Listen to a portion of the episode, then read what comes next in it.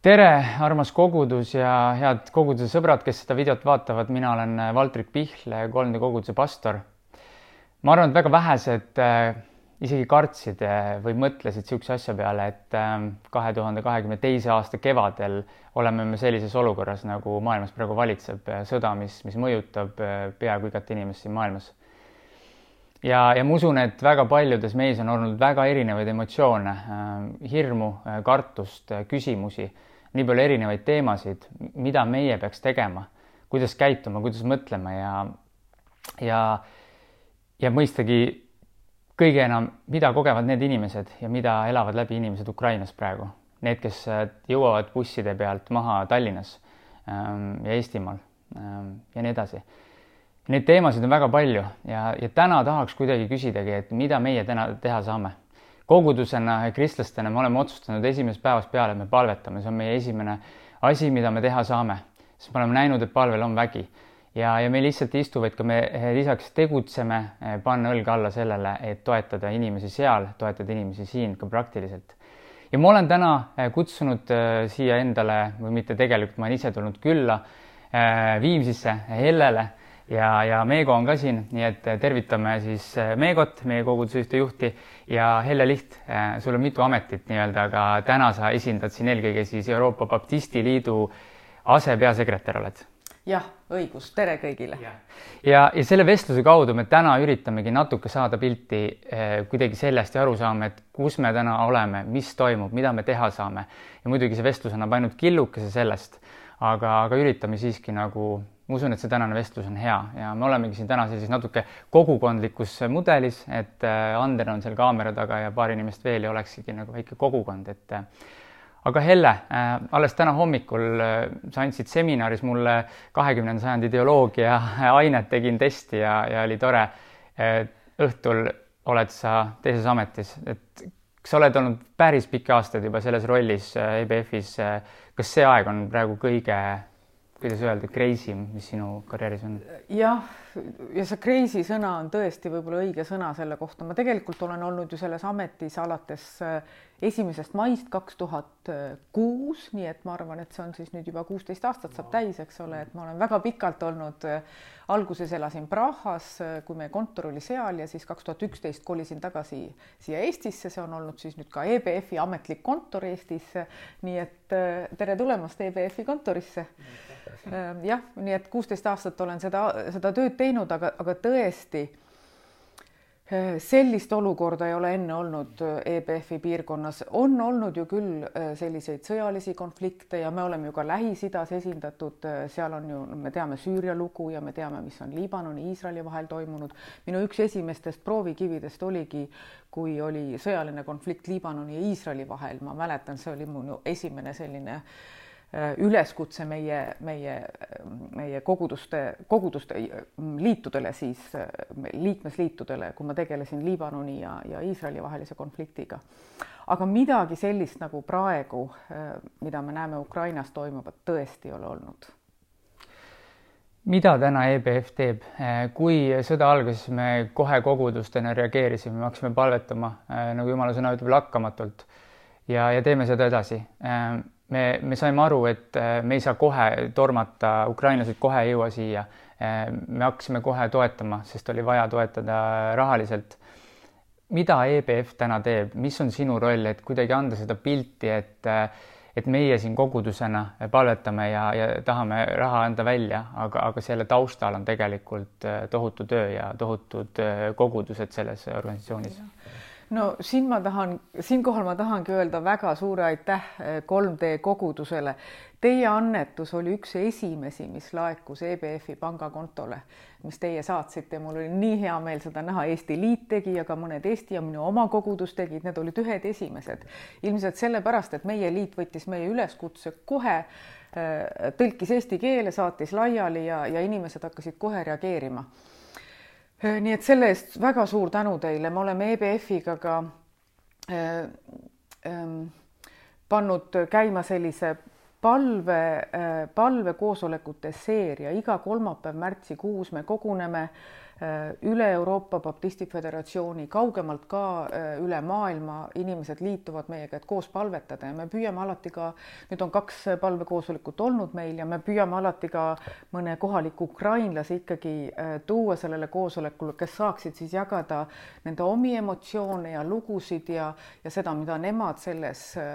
olukorras tunnevad ja mida nad ka teevad. Äh, nii et see, see palvevõrgustik on üks väga oluline asi, mida me, mida me oleme teinud, aga loomulikult me äh, toetame ka siis nii Ukraina kogudusi äh, selles, mida nemad seal teevad, nimelt siis võtavad vastu põgenikke, võtavad vastu neid, kes on teel kuhugi. ilmselt nad sageli isegi ei tea, kuhu nad teel on, sõjajalust ära, aga siis meie kogudused on on avatud siis nendele puhkepaigaks ja nad saavad öö ära magada, nad saavad seal kolm korda päevas süüa, lähevad edasi, kuhu ega täpselt ei teagi, aga vähemalt järgmine kogudus on natukese aja pärast jälle, nii et meil on Ukraina sees on kuussada kogudust kes äh, majutavad põgenikke ja see on niimoodi laias laastus, iga kogudus võtab vastu sadat inimest päevas, osad jäävad natuke pikemaks, kui nad ei tea, kuhu nad edasi lähevad, osad lähevad kohe edasi.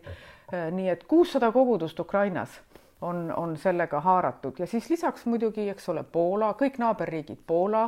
ähm,, Ungari, äh, Rumeenia, Moldaavia ja Slovakkia. nii et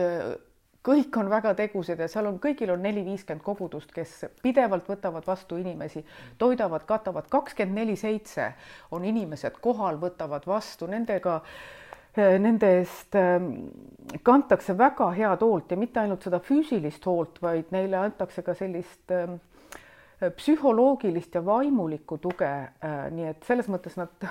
ma, ma lihtsalt vaatan neid kogudusi ja, ja kuulen neid lugusid meie Ukraina ja, ja nende naaberriikide äh, liidu juhtide ja sõprade käest ja ma olen täis sügavat imetlust, kuidas nad tõesti annavad endast ära kõik, nende, nad võtavad kodudes vastu oma inimesi, nad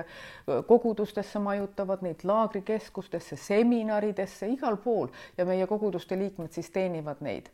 et see, see on lihtsalt hämmastav, kuidas nad on pannud kõik endast sellesse, et oma kaasinimest teenida. vaata ja imesta. sa ütled kuussada kogudust ja, ja veel nende naaberriigid, et, et seda abi nagu vaja on, sest neil ei ole praegu neil ei ole inimesi, kellel oleks sissetulekud seal, kes koguks seda raha, finantse, võimalusi, ka igasugust humanitaarabi et kuussada kogudust, et, et äh, küsimus vahepeal võib-olla, et, et kas seda abi on, kuigi nii paljud nagu annavad seda abi, kas seda abi on nagu saab piisavalt sellises olukorras üldse sellist asja eksisteerib? no see on, see on väga keeruline tegelikult selles mõttes, et äh, mul on siin üks minu Briti kolleeg praegu sellel nädalal mul külas, kellega me koos töötame ja, ja tema tegelebki mul nagu programmiga ja planeerimisega ja,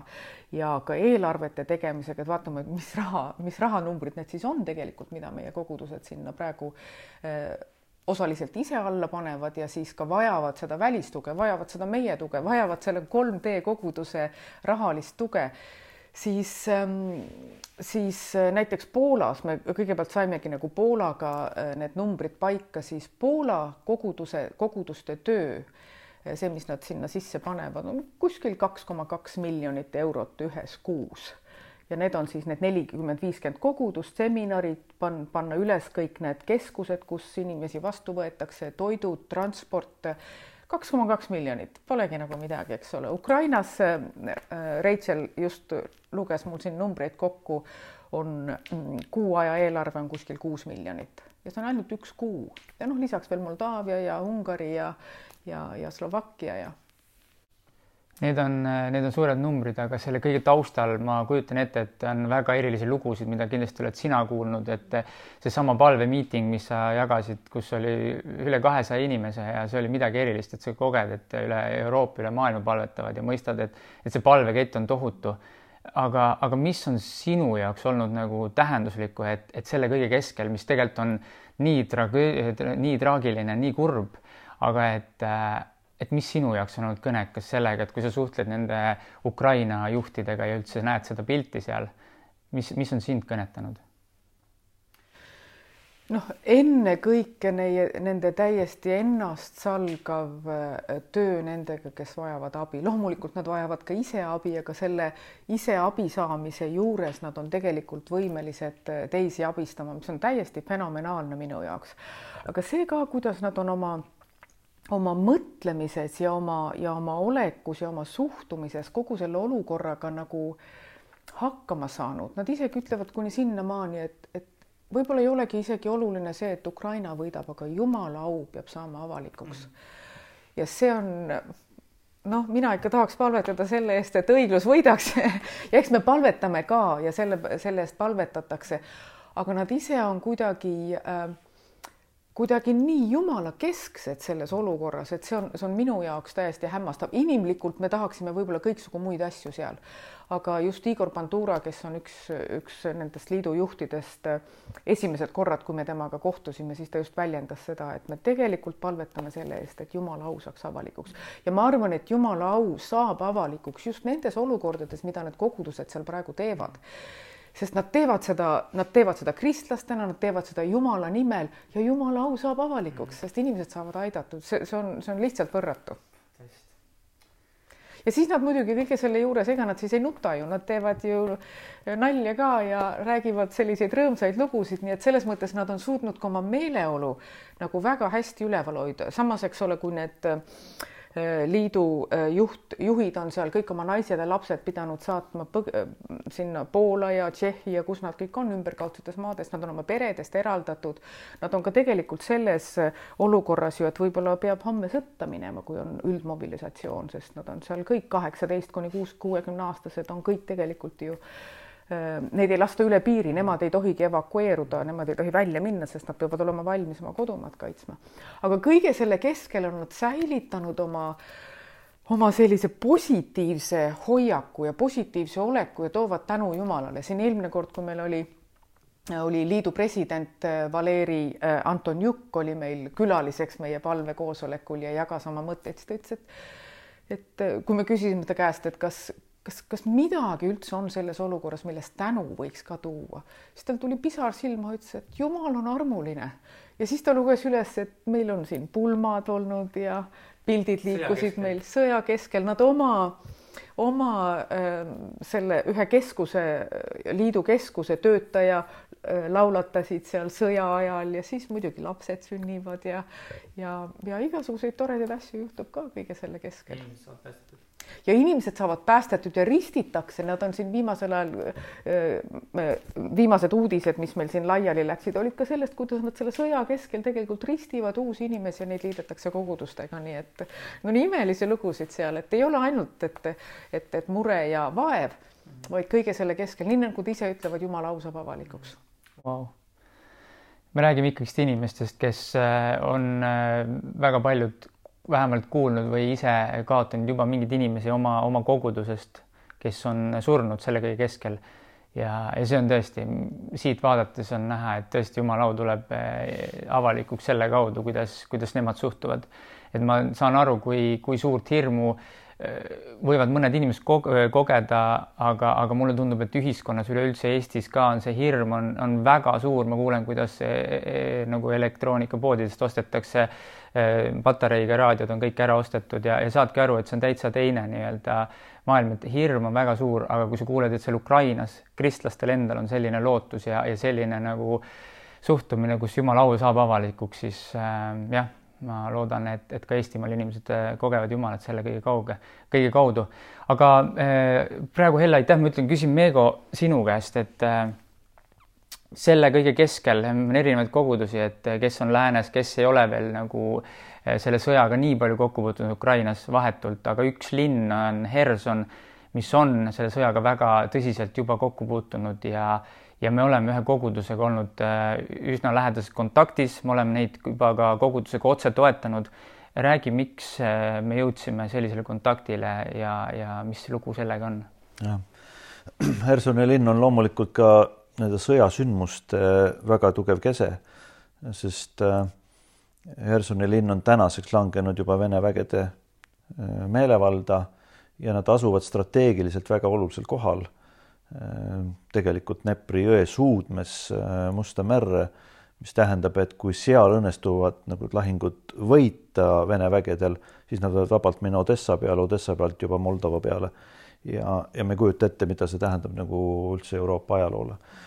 ja seal asub siis üks kogudus, kristlik kogudus, kus ma olen isiklikult külastanud ja jutlustanud, isegi õpetanud viimase kümne aasta jooksul korduvalt ja vahetult enne Covidi tulekut olin seal nende keskel ja mind on hämmastunud selle koguduse missioonimeelsus sõltumata aegadest, mis on olnud. noh, ainult üks näide, et nad elavad, see kogudus omab ühte pühakoda, mis on suurem kui, kui meil tavaliselt võib-olla Eestis on. Nad elavad oma kogudusega sellises suhteliselt vaeses linnarajoonis, umbes nagu meil Lasnamägi või midagi niisugust. ja nad puurisid oma kiriku territooriumile puurkaevu selleks, et inimesed saaksid vett ja see on nii huvitav, et sellel hetkel, kui mina seal käisin, ma vaatasin, on see elava vee projekt on, et seal siis inimesed võivadki tulla, nad saavad vett, aga nad saavad tegelikult ka suhteid, see kogukonna teenimine käib, sul on kohvik iga päev lahti, lapsed mängivad seal kabet või malet ja, ja kogunevad nagu olema. ja nüüd korraga on see veeprojekt ülitähtis, sest kogu see infrastruktuur kukub tegelikult ära ja, ja me leidsime, et kuna meil on isiklikud suhted ja sidemed, et siis me tahaksime ka neid rohkem toetada, nüüd oleme me jooksvalt ka kursis, mis seal toimub. et, et reaalselt ikkagi linn on sattunud nälga. Ja, ja see pastor üks viimaseid kirju, mis ta mulle kirjutas, ütles, et, et meil ei ole midagi viga naisega, sellepärast et meie saime tüki sealiha ja me võime iga päev lõigata ühe väikse riba sealt ja süüa, et see on nagu delikatess aga et äh, osadel ei ole midagi, et, et nad aitasid seal ühe lehma uuesti äh, piima andma tänu pastori teadmisele, et tuleb anda päevalilleõli natukene ja et ta siis jõi seda teed, see lehm ja sai uuesti vi, vi, seda piima andma ja, ja siis need lehmaomanikud tõid talle siis tänuks kaks liitrit piima, kes nad teadsid, et, et naaberkorteris või kuskil seal lähedal on keegi ema, kelle piim jäi kinni ja väike imik ei saa enam süüa ja nad viisid selle kaks liitrit piima sinna sellele perele. et eh, need on sündmused, mis tegelikult täna juhtuvad ja, ja kuna me oleme teinud kaks ülekannet sinna raha, siis nad, eh, nad hüüdsid halleluuja, kui see esimene raha nendeni jõudis, sest nad saavad seda sularaha siiski kuidagi, mis on kõva valuuta praegusel hetkel, nad saavad seda siiski mingisuguste toiduainete vastu vahetada, et aidata neid inimesi, kes, kes on abivajadus. nii et äh, naised on viidud ära, nii palju, kui on see võimalik olnud, koguduse pastori pojad, kes on koguduse juhid, vedasid nii kaua kui võimalik veel väikeste miniväänidega pagulasi läände ja toitu sisse. tänaseks ei ole see enam võimalik, aga mis seal kohapeal toimub, on jumala ime. Ja, ja needsamad asjad, mida Elle nimetas, inimesed usule ja, ja tulevad ristimisele, et see, see juhtub ka Hersoni linnas, nii et aitäh, 3D kogudus, me oleme palvetanud selle konkreetse linna pärast kogukondades me oleme annetanud nendele, aga täpselt samamoodi EBF-ile ja ka meie liidu heale panusele sõbra käe kaudu, kus läks ka üks suur reka äh, teele praktiliste asjadega, mis inimesi aitab. jah, jah, järgmine kord, kui õhtus sööd, siis äh, mõtled selle loo peale, et äh, kui, kui äh, või liiga valiv oled või ma arvan, et, et see on väga kõnekas, et äh, see lugu sellest äh, väiksest searibast äh, on väga kõnekas, et äh, ma usun, et äh, me võime selle peale mõelda ja mitte lihtsalt teid või palvetada ja, ja tegutseda ka selle järgi. Meego, mida sinule isiklikult nagu, mis sinu jaoks on olnud kõnekas, et sa oled käinud Ukrainas palju, on sul veel mingeid lugusid või, või midagi, miks, miks see nagu sõda on sulle eriti nagu südamesse pugenud, eriti nagu ka isiklikul tasandil nagunii selles olukorras, aga aga jah ähm.... no Kiiev Kiieviks, see on kõige kese võib-olla selles mõttes, aga, aga Irpin, kus on Ukraina liidu keskus olnud, kuhu on rajatud imeliselt toimiv kogudus, kus ma olen ka olnud.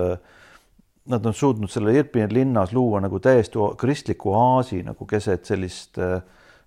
noh, ütleme ka ikkagi jumala võõrast maailma ja, ja korraga on see nüüd nagu kõik hävitatud. ja, ja mul läks võib-olla kõige südamesse rohkem see, et kui ma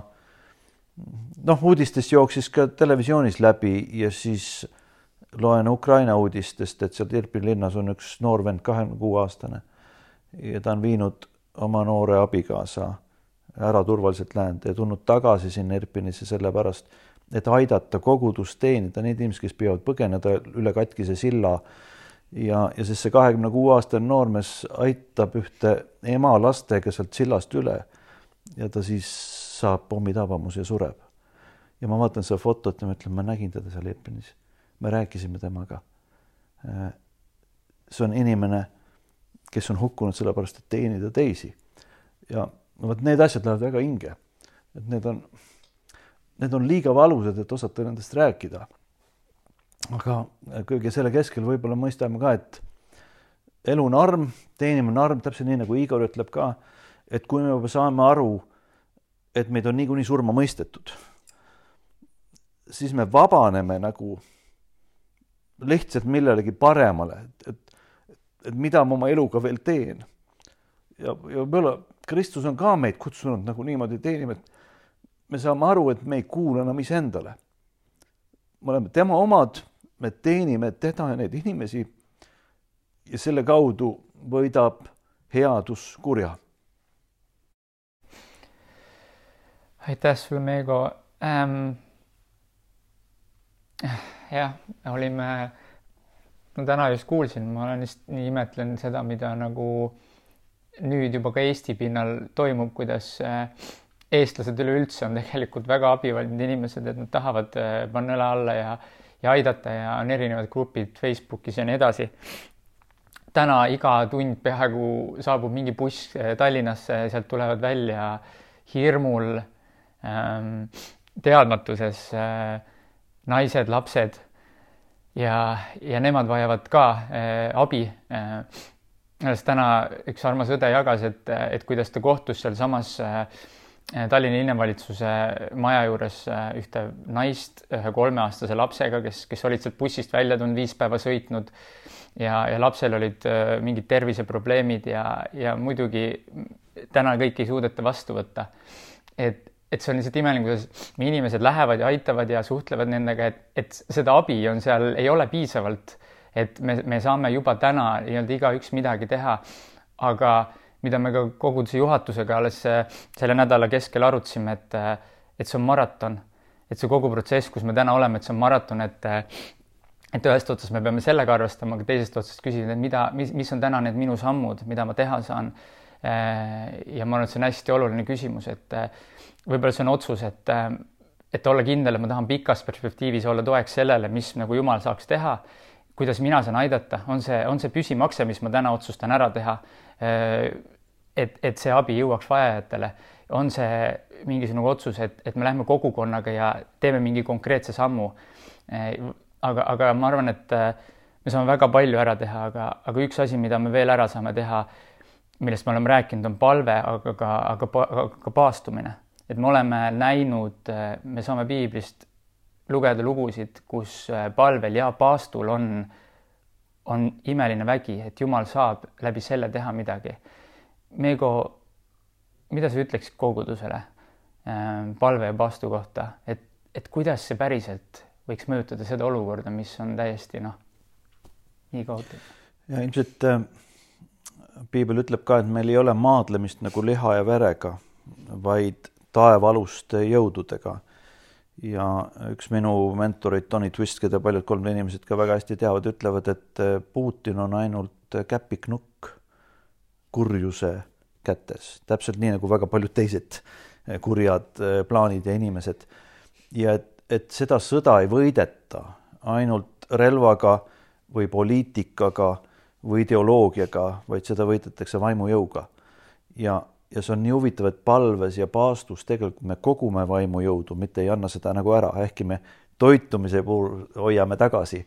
aga me, me, me kogume seda jõudu ja, ja ma arvan, et Jumalal on see vajalik, Jeesus ütles, et on teatud asjad, mis ei lähe muud moodi ka välja, mingid kurjad jõud ei lähe ka välja muidu kui palve paastumise läbi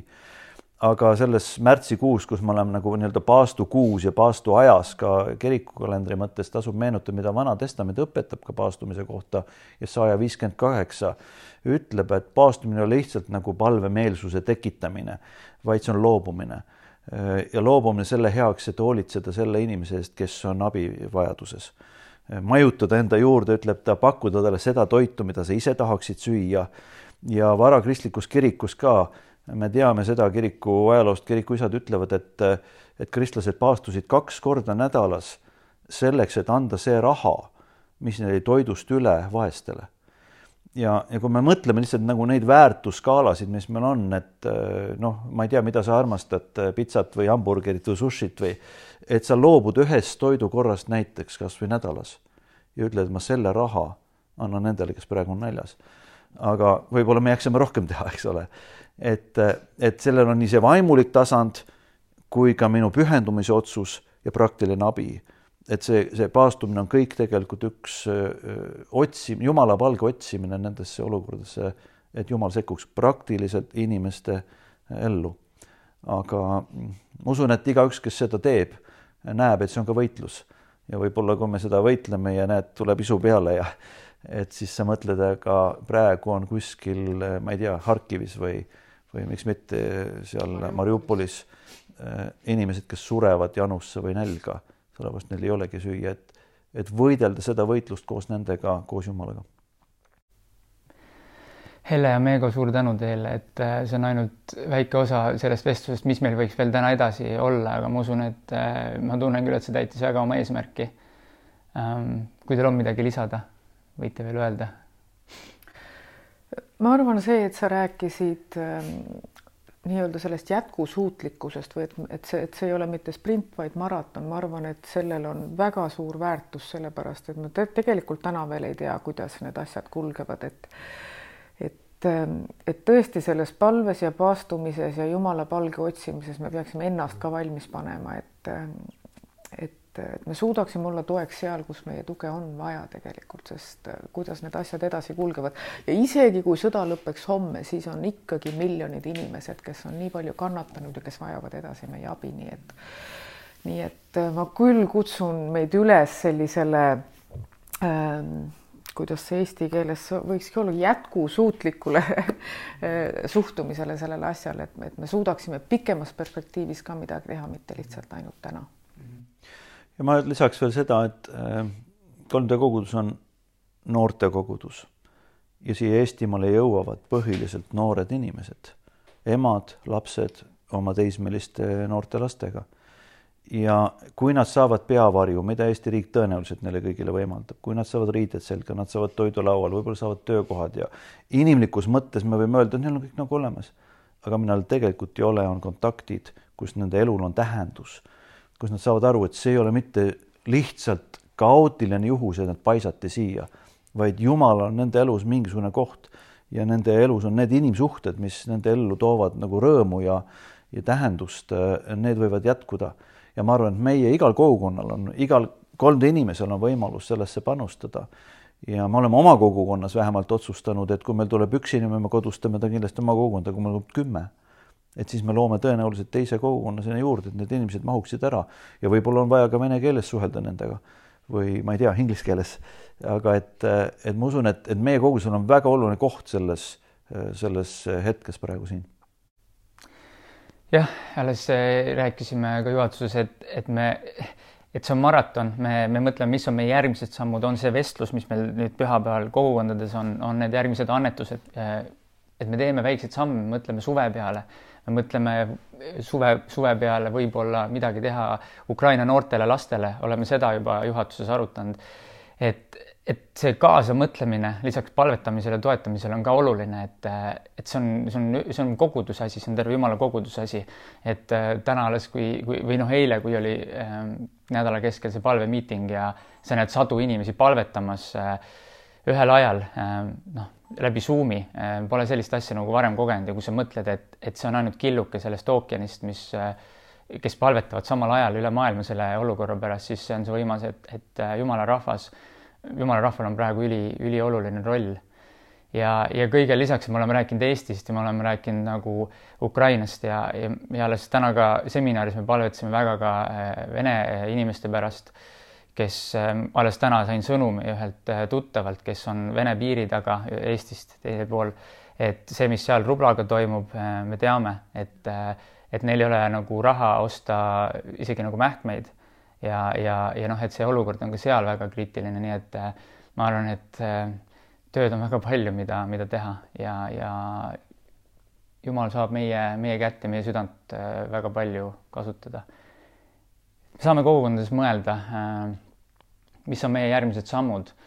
aga ma arvan, et tõesti võiks alustada lihtsalt palvega, ma arvan, et pärast sedasamat kõnet lihtsalt minna palvesse lihtsalt panna võib-olla põled maha, lihtsalt olla vaikuses kuulata, mida Jumal nagu saab öelda, et mida, mida meie teha saame ja, ja ma usun, et see vestlus ja need mõtted nagu, mis siit Hellelt ja Meegolt tulid, et äh, on kõnekad ja olge väga õnnistatud äh,. Olge valmis maratoniks, oleme valmis kogudusena valmis maratoniks, aga, aga alustame neid sammude tegemisi juba täna. olge õnnistatud ja mõnusat kogukondade jätku ja, ja kõikidele koguduse sõpradele ka. Olge kaasas ja olete kolmne kogudusse väga-väga oodatud. Tulge nagu olete